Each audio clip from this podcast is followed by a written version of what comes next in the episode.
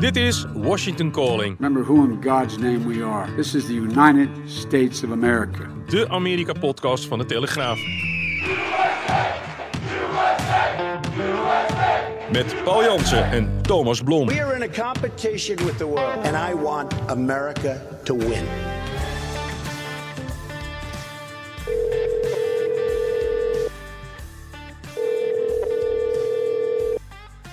Goedemorgen, Paul.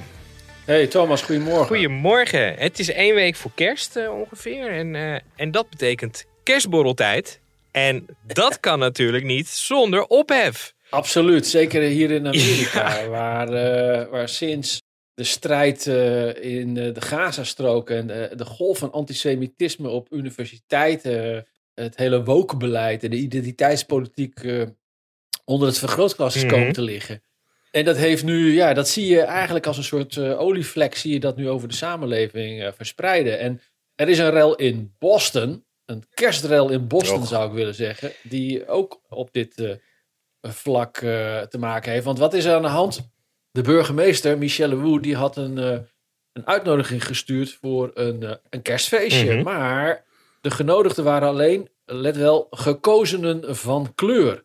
Toen heeft eh, vervolgens eh, haar assistent de fout gemaakt om die uitnodiging naar alle gemeenteraadsleden te sturen. Ah. Eh, waarop een tweede mail volgde met een annulering voor alle blanke gemeenteraadsleden. Nou ja, en toen was de boot natuurlijk Ja. aan. Werd van gesproken van ja, dit is natuurlijk totaal niet inclusief, maar dit zaait alleen verdeeldheid. Dat was ook wat vanuit democratische hoek notabene klonk. Nou, woensdagavond was het zover, was het eh, eh, feestje. Eh, dat is gewoon doorgegaan met de Ah. burgemeester. En die kwam aan die woensdagavond. En daar stond natuurlijk media voor de deur. En wat zei mevrouw Woe, die zelf een Aziatische komaf is, tegen, tegen de verzamelde pers? Misschien hebben jullie niet alle info. Ah. En dat klinkt toch als het missen van de context. En weet, jij weet nog wel wie het ook steeds hadden over context, context, context. Dat waren de universiteitsprofessoren eh, voor het congres over hoe zij eh, vonden dat er gereageerd moest worden op oproepen tot genocide. Mhm. Nou, mevrouw Wu die had, had te melden dat deze aparte eh, partij alleen voor mensen van kleur al 13 jaar eh, wordt georganiseerd. En zij trok een vergelijking. Zei, ja, dat is heel normaal hier in de, in de samenleving. Want we hebben bijvoorbeeld ook de Congressional Black Caucus. Mhm. Er is bijvoorbeeld ook eh, een, een conferentie van Afro-Amerikaanse burgemeesters.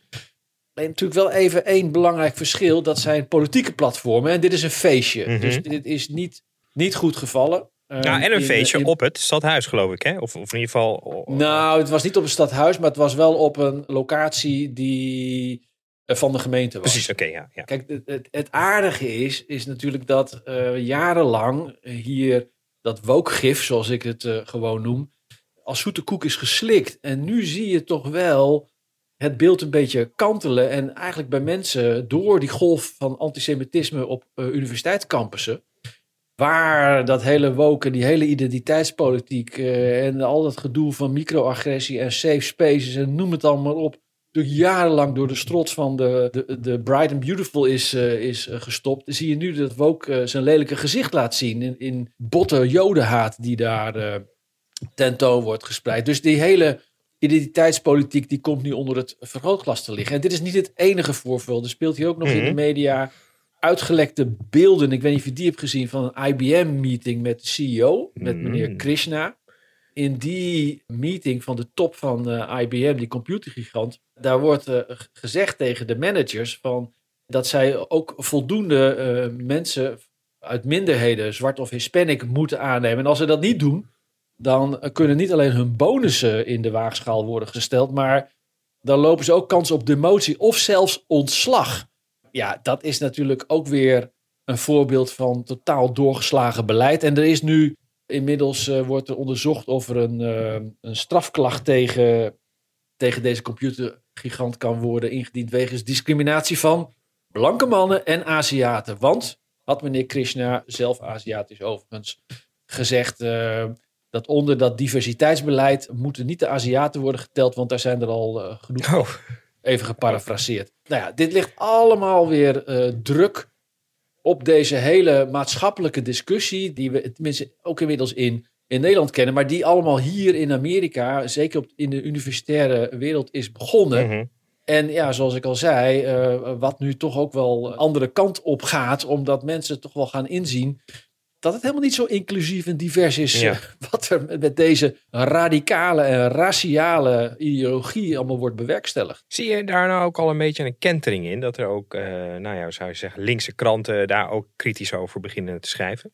Nee, linkse kranten, of eh, liberal media heet dat hier. Nee, daar zie ik weinig van. Dat zie je wel op het vlak van de discussie rond universiteit en antisemitisme. Maar dat wordt nog amper breder getrokken. Het zijn met name de conservatieve, de rechtse media, Ja. die vol op het orgel gaan op de onderwerpen die ik net noemde. Hè, zoals de eh, burgemeester in Boston Ja. en eh, de IBM-zaak. Nou, we hebben het vaker besproken. Media in Amerika zijn natuurlijk ook zeer gepolariseerd. Absoluut. En dat zie je ook in de berichtgeving hier terug. Het is eigenlijk, eh, ja, sneeuwt het onder in de, in de linkse media en, en de rechtse media, die brengen het volle bak. Hm. Nou ja, maar wat niet is, dat kan nog komen. Nou, er is in ieder geval iets aan het schuiven. En, en je hebt, eh, dat viel me al op hier, eh, de- deze maatschappij is eh, hypergevoelig op dit punt. En al wijzen naar dit onderwerp is al, is al verdacht, weet je wel. En je ziet nu dat er toch discussie loskomt. En ja, dat is denk ik alleen maar goed. En eh, trouwens nog over de universiteiten gesproken. Een van de hoofden die moest opkomen draven in het congres, dat heeft een staartje gekregen. hè? Ja, nogal. eh, de, de roemruchte, of misschien wel gewoon het beruchte optreden van eh, de drie voorzitters van topuniversiteiten in Amerika in het congres is natuurlijk heel slecht gevallen. Waar ze de vraag of een oproep tot genocide op Joden, of dat in strijd was met de gedragsregels van, van de universiteit, waar allemaal eh, technische ontwijkende antwoorden op werden, werden gegeven in plaats van een, hel- een helder, simpel antwoord zoals voor de hand lag. Dat is eh, de drie dames, want het gaat om drie vrouwelijke universiteitsvoorzitters, duur komen te staan. De voorzitter van Penn, Liz McGill, is, is inmiddels opgestart. De voorzitters van Harvard en eh, MIT, die mogen blijven. Maar vooral Harvard-president eh, Claudine Gay, die is nog niet eh off the hook, zoals Mhm. dat dan heet. Want ja, op haar wordt met name ingezoomd. A, het is de meest elitaire opleiding in Amerika. Ze is de eerste zwarte vrouw als, als voorzitter. En ze had eh, ja, vlak na die 7 oktober, toen er eh, al een uitbarsting van pro-Palestina protest op de campus was, had ze, had ze dat vrije expressie genoemd en eh, geweigerd in te grijpen. En er was als, als gevolg daarvan al een Joodse weldoener uit de, de Raad van Toezicht gestapt. Haar universiteit is door, met name door haar houding, al een miljard aan donaties kwijtgeraakt. En dus ligt zij met name onder het vergrootglas. En het aardige is, er is inmiddels ook een plagiaatbeschuldiging naar buiten gekomen over eh, mevrouw Gay. En eh, dat onderzoek bleek al, bleek al sinds oktober te lopen in alle stilte. En dat is nu gelekt. En dat geeft weer heel veel commotie. Mm. Want eh, heeft de board besloten dat mevrouw Gay na een aantal aanpassingen in, in wat het ging om drie artikelen, na een aantal aanpassingen over bronvermeldingen die volgens de board zij zelf proactief had voorgesteld. Nou, dan weet je al wel ongeveer wat er gaande is. Dit proberen ze allemaal eh, af te hechten en zij zou mogen blijven. Nou, dat is niet overal in de academische wereld goed gevallen. Nee. Er zijn mensen die zeggen, ja jongens, dit is nou een typisch voorbeeld van plagiaat. En je moet het nou net niet doen alsof het iets anders is. Andere rijke weldoener die de universiteit veel geld heeft gegeven, die is ook nog niet eh, tevreden met hoe het allemaal, allemaal gaat. Er rijden inmiddels vrachtwagentjes met reclamezuilen rond de universiteitscampus. Waarin mevrouw Gay wordt uitgemaakt als zijnde de beste vriend van Hamas. Nou, al met al, deze strijd is, is daar nog niet gestreden. Nee. En het lijkt een veenbrand te kunnen worden. Er wordt ook, wordt ook inmiddels, hè, en dat sluit weer aan op eh, de hele woke-discussie. Er wordt eh, ook, ook gezegd van ja, als mevrouw Gay blank was geweest, had ze er al lang uitgelegen. Het is, het, het is dat ze, omdat ze eh, zwart is, de eerste zwarte voorzitter, wordt ze beschermd. En dat wordt dan weer geframed als van ja, ironisch genoeg is, is zwart dus kennelijk een privilege. In plaats van eh, dat eh, die minderheid extra in bescherming moet worden genomen. Dus het, het, het zit vol gevoeligheden. Het is een academisch mijnenveld Ja. aan het worden. En ja, de vraag is ja, hoe, hoe dit verder gaat. Aan, aan een zijden draadje zou ik dan denken, de carrière. Ja, dat is, dit is niet fijn hoor. eh, eh, dit voor, voor mevrouw Gay. En natuurlijk eh, voor Harvard, een, een topinstituut die nu toch wel erg lang de spotlight op zich heeft staan. Op een manier die je natuurlijk als, als instelling niet wenst. Nee, nee, absoluut niet. Wel ja, nou Paul, over naar de orde van de dag. Want ondanks dat we in de most wonderful time of the year zitten... ja, raast een oorlog en alle ellende die gaat onverminderd door. En dus ging Zelensky langs bij het congres. Eh, Trump die ziet ondertussen het einde naderen van een van zijn rechtszaken. En er was weer van alles gaande rondom Hunter Biden en zijn vader, de president zelf. For six years, I have been the target of the unrelenting Trump attack machine shouting, Where's Hunter? Well, here's my answer I am here. Ja, Paul, we hoorden daar net eh, Hunter Biden op de trappen van het Capitool eh, de woorden uitspreken: I am here. Wat was er allemaal aan de hand? Neem mij mee in de toestanden. Ik ga een poging wagen. Het was in ieder geval, in ieder geval spektakel. Zoals je weet loopt er een afzettingsonderzoek tegen de president. Geïnstigeerd door de, de Republikeinen in het congres. En dat afzettingsonderzoek is eh, deze week ook geformaliseerd met een stemming. Maar het was al in gang gezet. En een van de mensen die eh, in dat afzettingsonderzoek aan de tand zal worden gevoeld door het eh, congres is Hunter Biden, de zoon om wie zoveel te doen is.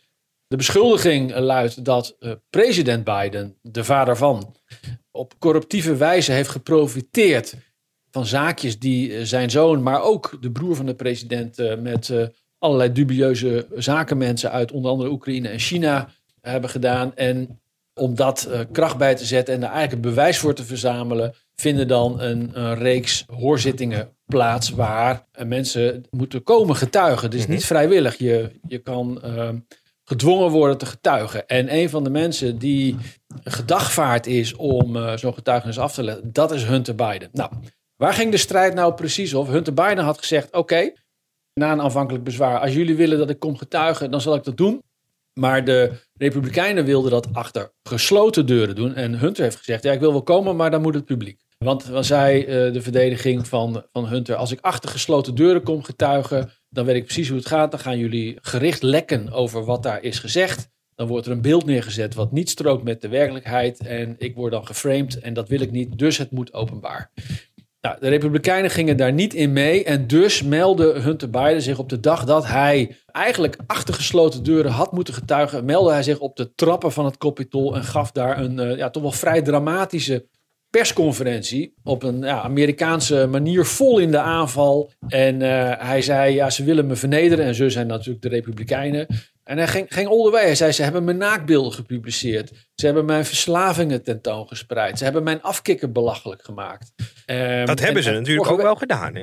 Zeker, Dat- zeker. Maar even, even om, om het kader te Mhm. schetsen. Vorige week had eh, Hunter in een eh, podcast gezegd... de Republikeinen zijn uit op mijn dood met deze publieke lasten, Mhm. lastencampagne. Wat ze, wat ze pro- eigenlijk proberen is dat ik een terugval krijg in mijn drugsgebruik... en dat ik weer eh, ja, relapse Mhm. in, eh, in het gebruik van eh, crack cocaine... waar hij... eh, geloof ik, onder andere aan, verslaafd was. Nou, om, om zo je, ja, je, je persoonlijke drama's te etaleren, ja, dat is eh, zeker op de stappen op de stoep van het congres, dat is toch wel redelijk ongekend. Maar het leek wel te werken. Alle media brachten dat verhaal en de Republikeinen in het congres, die kwamen daarmee toch in een, in zelf eigenlijk in de beklaagde bank te staan. Maar waar gaat het nou precies om over dat achtergesloten deuren of niet achtergesloten deuren? Het is niet, eh, niet alleen wat Hunter Biden zelf voor het voetlicht bracht van ja, dat ze me dan kunnen framen. Mhm. Maar als een, als een sessie publiek is, dan hebben de leden van, van, het, van die commissie, van het comité, die hebben elk vijf minuten om iemand die gedagvaard is eh, te ondervragen. En bij een gesloten sessie kan dat uren Ah. duren. Dus je hebt, je hebt in een gesloten sessie heb je veel meer regie als congreslid om iemand aan de tand te voelen. En in een, eh, publieke sessie is dat allemaal veel korter, veel meer geregisseerd. En eh, heeft eigenlijk de persoon, in dit geval Hunter Biden, die daar voor de commissie moet eh, verschijnen, ja, die kan zich eigenlijk makkelijker verdedigen. En dat is natuurlijk een belangrijke reden. En beeldvorming speelt absoluut een rol.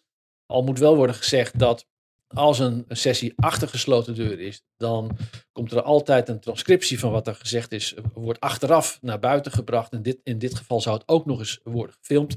Dus zo besloten, het was ter plekke besloten, maar uiteindelijk zou daar best wel openheid in worden betracht. Maar het gaat met name om het verloop van het verhoor voor die commissie waar het eigenlijk over te doen Maar, was. maar Paul, wat ik me dan meteen afvraag is, kan dat zomaar? Kan je dus daar op die trappen gaan staan en zeggen, ja, ik doe er niet aan mee? Want dat, daar komt het eigenlijk op neer. Nee, dat kan niet zomaar, want ja, je bent daarmee in contempt of Congress. Bedoel, Je mag op de trappen van het Capitool gaan staan als burger. Ik weet niet of eh, als jij of ik het gaat doen, of, eh, of we dan eh, worden weggestuurd. Maar in ieder geval Hunter Biden niet. Maar hem hangt nu wel contempt of Congress, dus belediging van het congres boven het hoofd. En dat is een, eh, een federaal misdrijf. Oh, het is En een daar- misdrijf? daar- ja, daar staat er 100.000 dollar boete op en een straf tot één jaar. Ik moet er wel bij aantekenen dat eh, Hunter Biden, eh, als dit eh, hem voor de voeten wordt geworpen, waar wel mee gedreigd is vanuit de Republikeinse hoek, dan is Hunter Biden in, in goed gezelschap, zal ik maar zeggen. Eh, hij is bepaald niet de eerste die dit verwijt krijgt. Onder andere de IT-directeur van Hillary Clinton is in het verleden daarvan beschuldigd. Henry Kissinger, Janet Reno, de oude eh, minister van Justitie.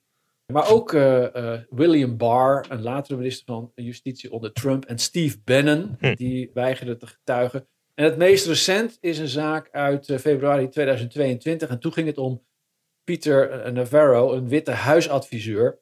En die weigerde ge- te getuigen voor die onderzoekscommissie van het huis naar de gebeurtenissen van 6 januari. Hmm.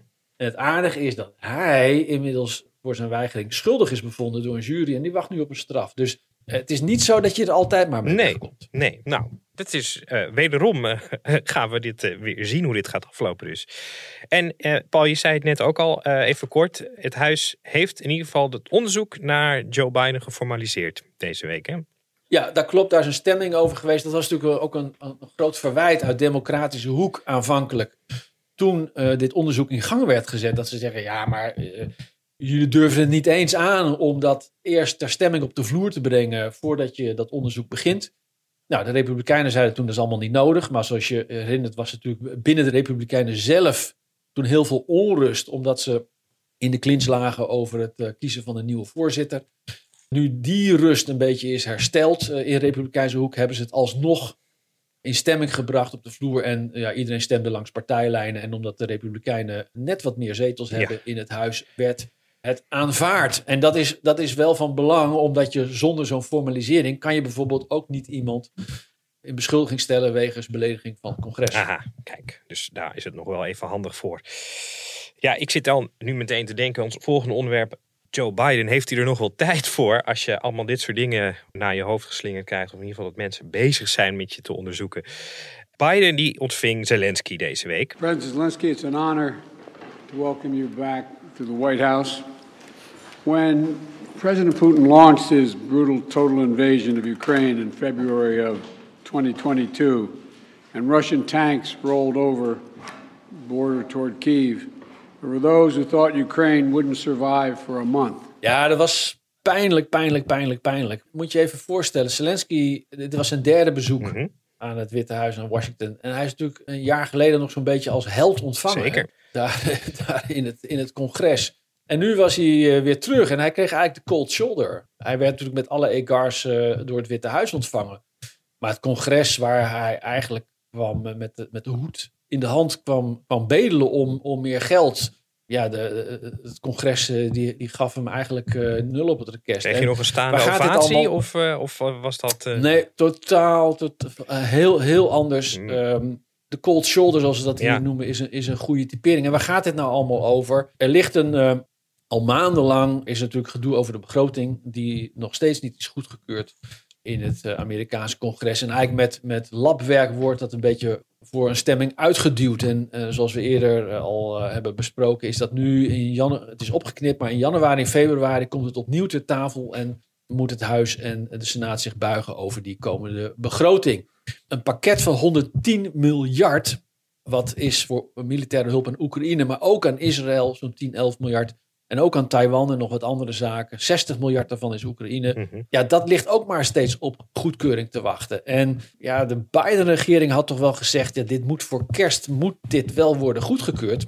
Want ons lopende potje, waar ze steeds, hè, en laatst ook weer 200 miljoen uit, eh, uithalen om eh wapenaankopen voor Oekraïne te financieren. Ja, dat potje dat raakt leeg. Dus er moet een, een nieuwe grote zak geld goedgekeurd worden, zodat, we, zodat ja, de Biden-regering weer een tijd vooruit kan met uh, het financieren van uh, de Oekraïnse strijdkrachten. Nou, het congres, uh, waar de Republikeinen dus in het huis de meerderheid hebben, die liggen dwars. En die kwamen nu ook weer met, met twee bezwaren. Het eerste bezwaar is dat ze zeggen: ja, wij gaan geen geld meer geven aan, aan Oekraïne zonder dat er een strategie is hoe die oorlog gewonnen kan worden. Want ja, dat is geld stort in een bodemloze put. En dat is uh, natuurlijk een belangrijk argument, omdat heel veel Amerikanen, zeker aan, aan de Republikeinse zijde, zeggen van er gaat wel heel veel geld nu naar Oekraïne. En kunnen we dat niet beter gebruiken om allerlei uh, kosten in eigen land te financieren? Zoals de grens. Uh, zo, ja, maar dat is het tweede punt. Is dat Republikeinen zeggen van ja, wij willen alleen nog maar extra geld aan Oekraïne uitgeven. als daar een koppelverkoop kan worden gedaan. Namelijk, er moet uh, ook fors meer geld naar de grensbewaking. Nou ja, het is power politics uh, ten top wat hier uh, de afgelopen week weer, maar eigenlijk al maanden op dit vlak wordt, wordt gespeeld. En de Democraten, zeker het Witte Huis, die, die hebben lange tijd geweigerd om aan die koppelverkoop mee te werken. En altijd wel gedacht, het is een soort chicken race, hè, van Mhm. wie knippert het eerste met zijn ogen. En het lijkt er nu op dat Biden deze week toch in beweging wil komen om die deal alsnog op de een of andere manier te laten passeren. En uh, toch ook in beweging te komen op dat dossier van de grensbewaking. Maar waarom ligt dat nou zo gevoelig? Dit is natuurlijk de regering Biden die al in de campagne van de vorige presidentsverkiezingen afstand heeft genomen van de harde lijn van Trump. Mm -hmm. Die een muur wilde bouwen. Die, uh, die, want het gaat natuurlijk om illegale migratie aan de zuidgrens mensen veel, uh, veel meer wilden deporteren. Nou, in ieder geval de harde lijn. En de Biden-regering heeft daar een andere koers in gekozen. En in dit pakket wat nu op tafel ligt, zou daar onderdeel van zijn dat de gronden voor pardonering van mensen die illegaal de grens oversteken, dat die ver worden begrensd. En dat dus weer de groepen die worden teruggestuurd, dat dat veel, veel uh, uh, groter qua omvang mm -hmm. zou worden. Nou, dat lag heel gevoelig. Vergeet niet dat er volgend jaar weer verkiezingen mm -hmm. aankomen. Vergeet ook niet dat dit iets is wat aan de linkerflank van, van de Biden-regering en van de Democraten heel gevoelig ligt. Maar ja, de president die kan natuurlijk ook niet verkopen dat ze een belangrijke bondgenoot, uh, zoals Oekraïne, in de kou laten staan. Dus ze zijn nu een beetje op twee gedachten aan het hinken en, en lijken toch wat beweging te maken om uh, een deal te sluiten voor dat extra geld, die 60 miljard voor Oekraïne. Maar de vraag is, Wanneer gaat dat gebeuren? Ja. Komt het congres, wat inmiddels uh, formeel met reces is, komt dat terug tijdens het kerstreces om hierover uh, over te besluiten? Of wordt dat dan toch naar januari gedeeld? En het kerstreces duurt twee weken? Ja, dat is tot, tot begin januari. Okay, ja, en weet je, de regering zou, zou, nog, zou nog wel geld uit andere potjes kunnen halen, maar dat kan dan weer ten koste gaan van andere lopende Precies. militaire operaties. En ja, dat ligt natuurlijk altijd heel gevoelig uh, hier in Amerika. Maar in ieder geval, het uh, bezoek van Zelensky was pijnlijk. Ja, het is niet gelukt om hem als breekijzer nee. in te zetten. Om die republikeinen op andere gedachten te brengen. Feitelijk is dat bezoek mislukt. En één ding moeten we nog wel bespreken, uh, Thomas. En dat is de persconferentie die Biden en Zelensky na afloop van alle beraadslagingen hielden. Ik weet niet of je het gezien hebt. Ik heb het niet gezien. Wat gebeurde er? Nou, Biden en Zelensky komen dan zo'n zaal binnen. Er zitten allemaal media. En dan gaat eerst Biden een, een praatje houden. En daarna Zelensky. En dan, en dan mogen de vragen worden gesteld. En Biden die pakt dan zijn lijstje. Want zo gaat dat mm-hmm. tegenwoordig. En die, die zegt dan ja, de eerste vraag. En dan leest hij een naam op. Maar in plaats dat hij zei van de eerste vraag mag worden gesteld door. Zei hij ja, ik... Ik zal de eerste vraag stellen aan. En nou ja, toen zag je de zaal wat oh. verwarrend kijken. En, en uh, hij keek naar Zelensky. Nou, ze keken allemaal verwarrend. En nou, toen herstelde Biden zich van... Hey, ik zal niet de e eerste vraag stellen, maar ik zal hem natuurlijk beantwoorden. Nou, toen zag je de mensen al een beetje zo van schuifelen op, op hun stoel. Nou, de vraag kwam. De journalisten die de vraag stelden, die, die lazen de vraag op. En dat is ook een indicatie als ze een vraag gaan oplezen. Een beetje journalist weet aan wel wat hij ongeveer wil vragen. Maar die haakt vaak ook aan op wat, ja, wat er is gezegd in zo'n verklaring Yeah. van de president. Maar hier werd de vraag opgelezen. En het antwoord wat Biden gaf werd ook opgelezen. En daarmee zie je dat het natuurlijk van tevoren uh, met de communicatieafdeling van het Witte Huis is uitgewisseld. Van jullie moeten je vragen inleveren. Dan kunnen wij de antwoorden vast opschrijven. Die gaat de president dan oplezen. Um, het werd alleen een beetje pijnlijk dat op een gegeven moment een journalist een vraag stelde. En dat was eigenlijk een tweetrapsraket, maar dat kwam niet helemaal uit de verf. Maar Biden had die tweetrapsraket wel in zijn antwoorden staan. Dus die oh, nee. ging vragen, Oh. moet ik ook alvast antwoord geven op je tweede vraag? Oh. Weet je wel? En nou, toen zat iedereen nog ongemakkelijker op zijn stoel te schuiven. En waarom wordt het... Het wordt al langer met lijstjes, er is al vaker wat over te doen geweest.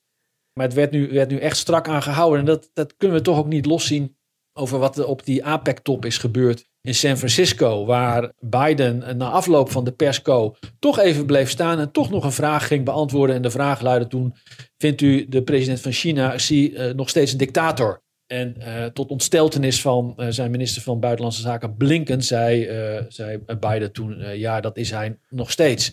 Dat is niet alleen bij de minister van Buitenlandse Zaken heel slecht gevallen, maar ook in China. Ja, uiteraard. En dus zie je dat, dat er meer regie wordt gehouden om uh, uitgeleiders van de Amerikaanse president te voorkomen. Maar, maar, Overigens. Maar er gebeurde dus nu in de marge, helaas, zou ik bijna zeggen, ge niks geks. Het is nog altijd op elke Amerikaanse persconferentie als uh, de staatshoofden in, in, dit geval zeggen, nou oké, okay, dat was het. We mochten drie vragen van Amerikaanse en drie vragen van Oekraïnse zijde worden gesteld, dan beginnen al alle journalisten heel hard te roepen. Mhm. Omdat ze dan toch nog proberen een vraag te stellen. En, en zoals in San Francisco werkt dat dus, want Biden bleef toen staan. Ja. Maar nu was de, de communicatiedirecteur uh, heel resoluut en die uh, sprak er overheen en zei: Dit is het. En de heren uh, gaan nu vertrekken. dus het was echt einde van de persco. En het aardige was dat Blinken ook nu weer voorop zat op de eerste rij. En uh, hij onlangs uh, in een tv-interview werd gevraagd uh, naar zijn body language toen in San Francisco. Oh, ja. toen, hè, dat, die, die, die iconische beelden dat op het moment dat de president uitspreekt dat hij zie nog steeds een dictator vindt, dan zie je Blinken echt zo ineens schrompelen Ja, van die- ach man, wat zeg je nu? zak door de grond daar. Ja, die zakte echt door de grond. En die, die- je zag hem echt zo ogen dicht, zo van een zuchten, zo van oh, wat zeg je? Ah, echt vreselijk. En eh, eh, Blinken werd daarna gevraagd op de, in een interview. En die zei, ja, ik had wat last van een stijve nek. Want het was, het was een lange dag. Oh. Dus zo probeerde hij die eigenlijk recht te praten. Dat hij met zijn tot- lichaamstaal tot, eh, eh, kritiek had op zijn politieke baas. Ja, nou, dit, de communicatiebaas die heeft in ieder geval weer zijn kerstbonus verdiend. Zou ik dan Absoluut. eh, zo zeggen dat hij erger heeft voorkomen. Ja, dan naar de oud-president Paul. Trump, Ja, ja. Die ziet nou een van zijn zaken eh, nou, naar het einde gaan, denk ik. Hè? Ja, het gaat om de civiele zaak in New York. Mhm. waar eh, de aanklager niet een strafrechtelijke route heeft gekozen, maar een civielrechtelijke route, omdat ze dan een enorme claim kunnen indienen. Het gaat om een claim van 250 miljoen boete die Trump en de Trump-organisatie zou moeten betalen voor het frauduleus opkrikken van de waarde van hun bezittingen. En dat zouden ze hebben gedaan om, als hun bezit eh, meer waard zou zijn, dan zouden ze goedkopere leningen en goedkopere verzekeringen kunnen afsluiten. Nou, daar is de afgelopen periode hebben eerst de aanklagers, daarna de verdediging allerlei getuigen gehoord. Dat is nu tot de afronding gekozen en al 11 januari zijn de slotverklaringen en dan duurt het naar verwachting nog enkele weken voordat de rechter uitspraak doet. Maar er was nog wel vuurwerk in de laatste eh, beraadslagingen. En dat vuurwerk kwam met name van professor Eli Bartov. Dat is een professor van de, de New York University, een prominente accounting professor. En die werd door de verdediging van Trump werd die, eh, naar het getuigenbankje geleid om zijn licht te laten schijnen als expert op deze hele zaak en de aanklacht van Letitia James, de aanklager. Nou, meneer Bartov wist daar wel raad mee en die noemde de hele aanklacht absurd. Hij heeft alles bekeken, zei hij, en zei: Ik heb geen enkel bewijs van fraude gevonden. En, sterker nog, hij zei dat het absurd was van eh, de aanklagers om te veronderstellen dat een bank of financiële eh, instelling überhaupt zaken zou doen met een klant op basis van een verklaring van die klant over de financiële situatie. Want, zei Bartov, elke instelling of bank doet zijn eigen boekenonderzoek voordat hij in zee gaat met een klant. En dat bleek ook, zo heeft eh, Bartov gezien in alle documenten die hij heeft bestudeerd, dat bleek ook uit de credit reports van Deutsche Bank. En Deutsche Bank is dan de huisbankier van Trump, eh, die in, volgens de aanklager dus in dit geval benadeeld zou zijn. Nou, we wisten al dat Deutsche Bank, eh, die zelf ook is komen getuigen, dat hij helemaal geen reden tot klagen had. Die was heel blij met Trump als klant, Mhm. omdat Trump niet alleen heel veel geld opleverde, maar ook andere klanten in contact kon brengen met Deutsche Bank.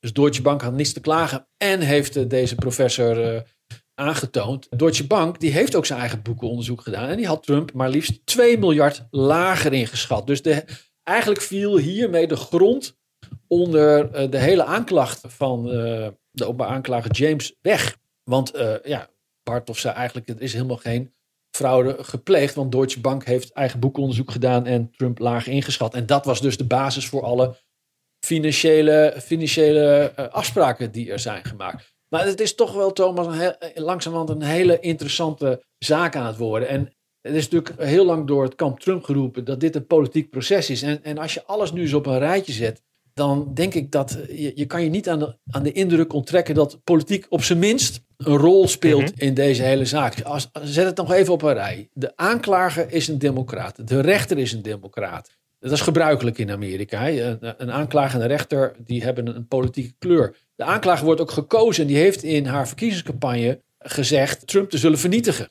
Die heeft eh, in haar verkiezingscampagne ook gezegd dat Trump, die toen nog president was, een onrechtmatige president was. Dus dat geeft even het kader weer van waar deze mevrouw staat. Vervolgens heeft de rechter Trump en de Trump Organization al schuldig bevonden wegens fraude voor aanvang van de zittingen. Ook een merkwaardige gang van zaken is, dus op basis van ingebrachte stukken.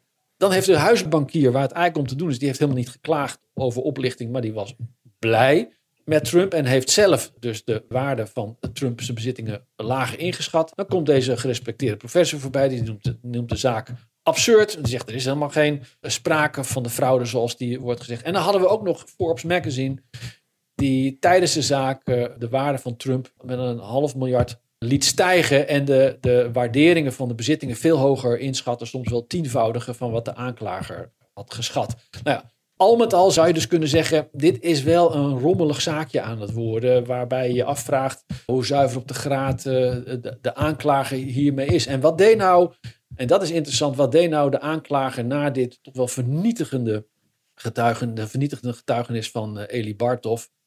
Die ging op de man spelen. Die probeerde karaktermoord te plegen door bij de ondervraging, want dat, de andere partij mag altijd ook een, een getuige ondervragen, Bartov te vragen, ja, hoeveel heeft u eigenlijk betaald gekregen van de verdediging om, eh, om deze expert opinion in de rechtszaal tentoon te spreiden? Nou, en dat bleek, hou u vast, zo'n 900.000 dollar te zijn. Hmm. En je zag vervolgens in heel veel media eh, verhalen verschijnen begin deze week eh, dat die Bartov 9 ton betaald kreeg om zijn eh, mening in de rechtszaal te geven. Waarmee eigenlijk werd gesuggereerd dat die opinie van deze hoog aangeschreven professor gekocht was.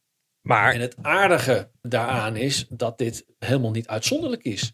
Sterker nog, de aanklagers die zelf ook een expert hadden uitgenodigd, die is ook betaald. En die is ook tonnen betaald. Bartov die rekende, let wel, 1350 dollar per uur. Hallo, bent u daar nog? nou, Ja, ja, dat en die is- zei, die zei zes- de 650 uur gewerkt te hebben aan de zaak. ja, Nou ja, nou, kom het is ook een hele ingewikkelde zaak, Paul. Ja. nou, maar nu komt hij. De expert van de aanklager, die rekende 950 dollar per uur. Ook niet Ook misselijk. niet mis, nee. Maar ik stond kennelijk iets minder hoog aangeschreven. Maar die heeft dus, die heeft dus door deze zaak 350.000 dollar opgestreken. Het interessante is dat menig medium, die dus wel het frame van de aanklagers volgde, door te zeggen: de getuigenis van Bartels is betaald, want het leverde 9 ton op. Die hebben weggelaten dat die aanklager ook een expert heeft betaald. En ja, dat vind ik toch wel kwalijk. Ja, dat is merkwaardig. eh. maar ja, we moeten zeggen, de rechtszaak, daar zit geen juryrechtspraak bij, hè? Nee, dat Nee. is ook weer een klacht van. eh het is goed dat je dat noemt. Het is ook weer, ook weer een klacht van, eh, van Trump. Zeg ja, er is, er is geen jury. Het is de, de, de rechter die mij al schuldig heeft bevonden. Die nu zelf gaat beslissen hoe hoog de straf wordt. Dus lees hoe hoog de boete Ja, gaat en, en- worden en dat, die, die Trump moet gaan betalen. dat wilde ik vragen, Paul. Hoe groot schat jij de kans dat deze rechter eh, Trump straks vrijspreekt? Hij wordt niet vrijgesproken, Of, want of hij in is ieder al aansprakelijk niet gesteld. maar Dus dat gaat niet gebeuren. Maar de vraag is of, of die voor de volle 250 eh, eh, miljoen wordt aangeslagen. Of misschien wel eh, nog hoger, want dit is, dit is de eis. Mhm. Maar daar kan een rechter van afwijken. joh, het is een tombola. Ik durf het je niet te zeggen. Alleen als je kijkt naar het verloop van het proces, die rechter en Goron die heeft uh, bij herhaling ja, toch wel blijk gegeven dat hij uh, weinig moet hebben van Trump en zijn, en zijn verdediging. Dus het ziet er niet heel goed, heel goed voor, voor Trump uit. Maar het meest eigenaardige is natuurlijk dat de rechter al voor het begin van de zittingen Trump aansprakelijk slash schuldig heeft verklaard. Dat vervolgens de huisbankier langskomt, een goed ingevoerde professor en eigenlijk de hele zaak onderuit schoffelen.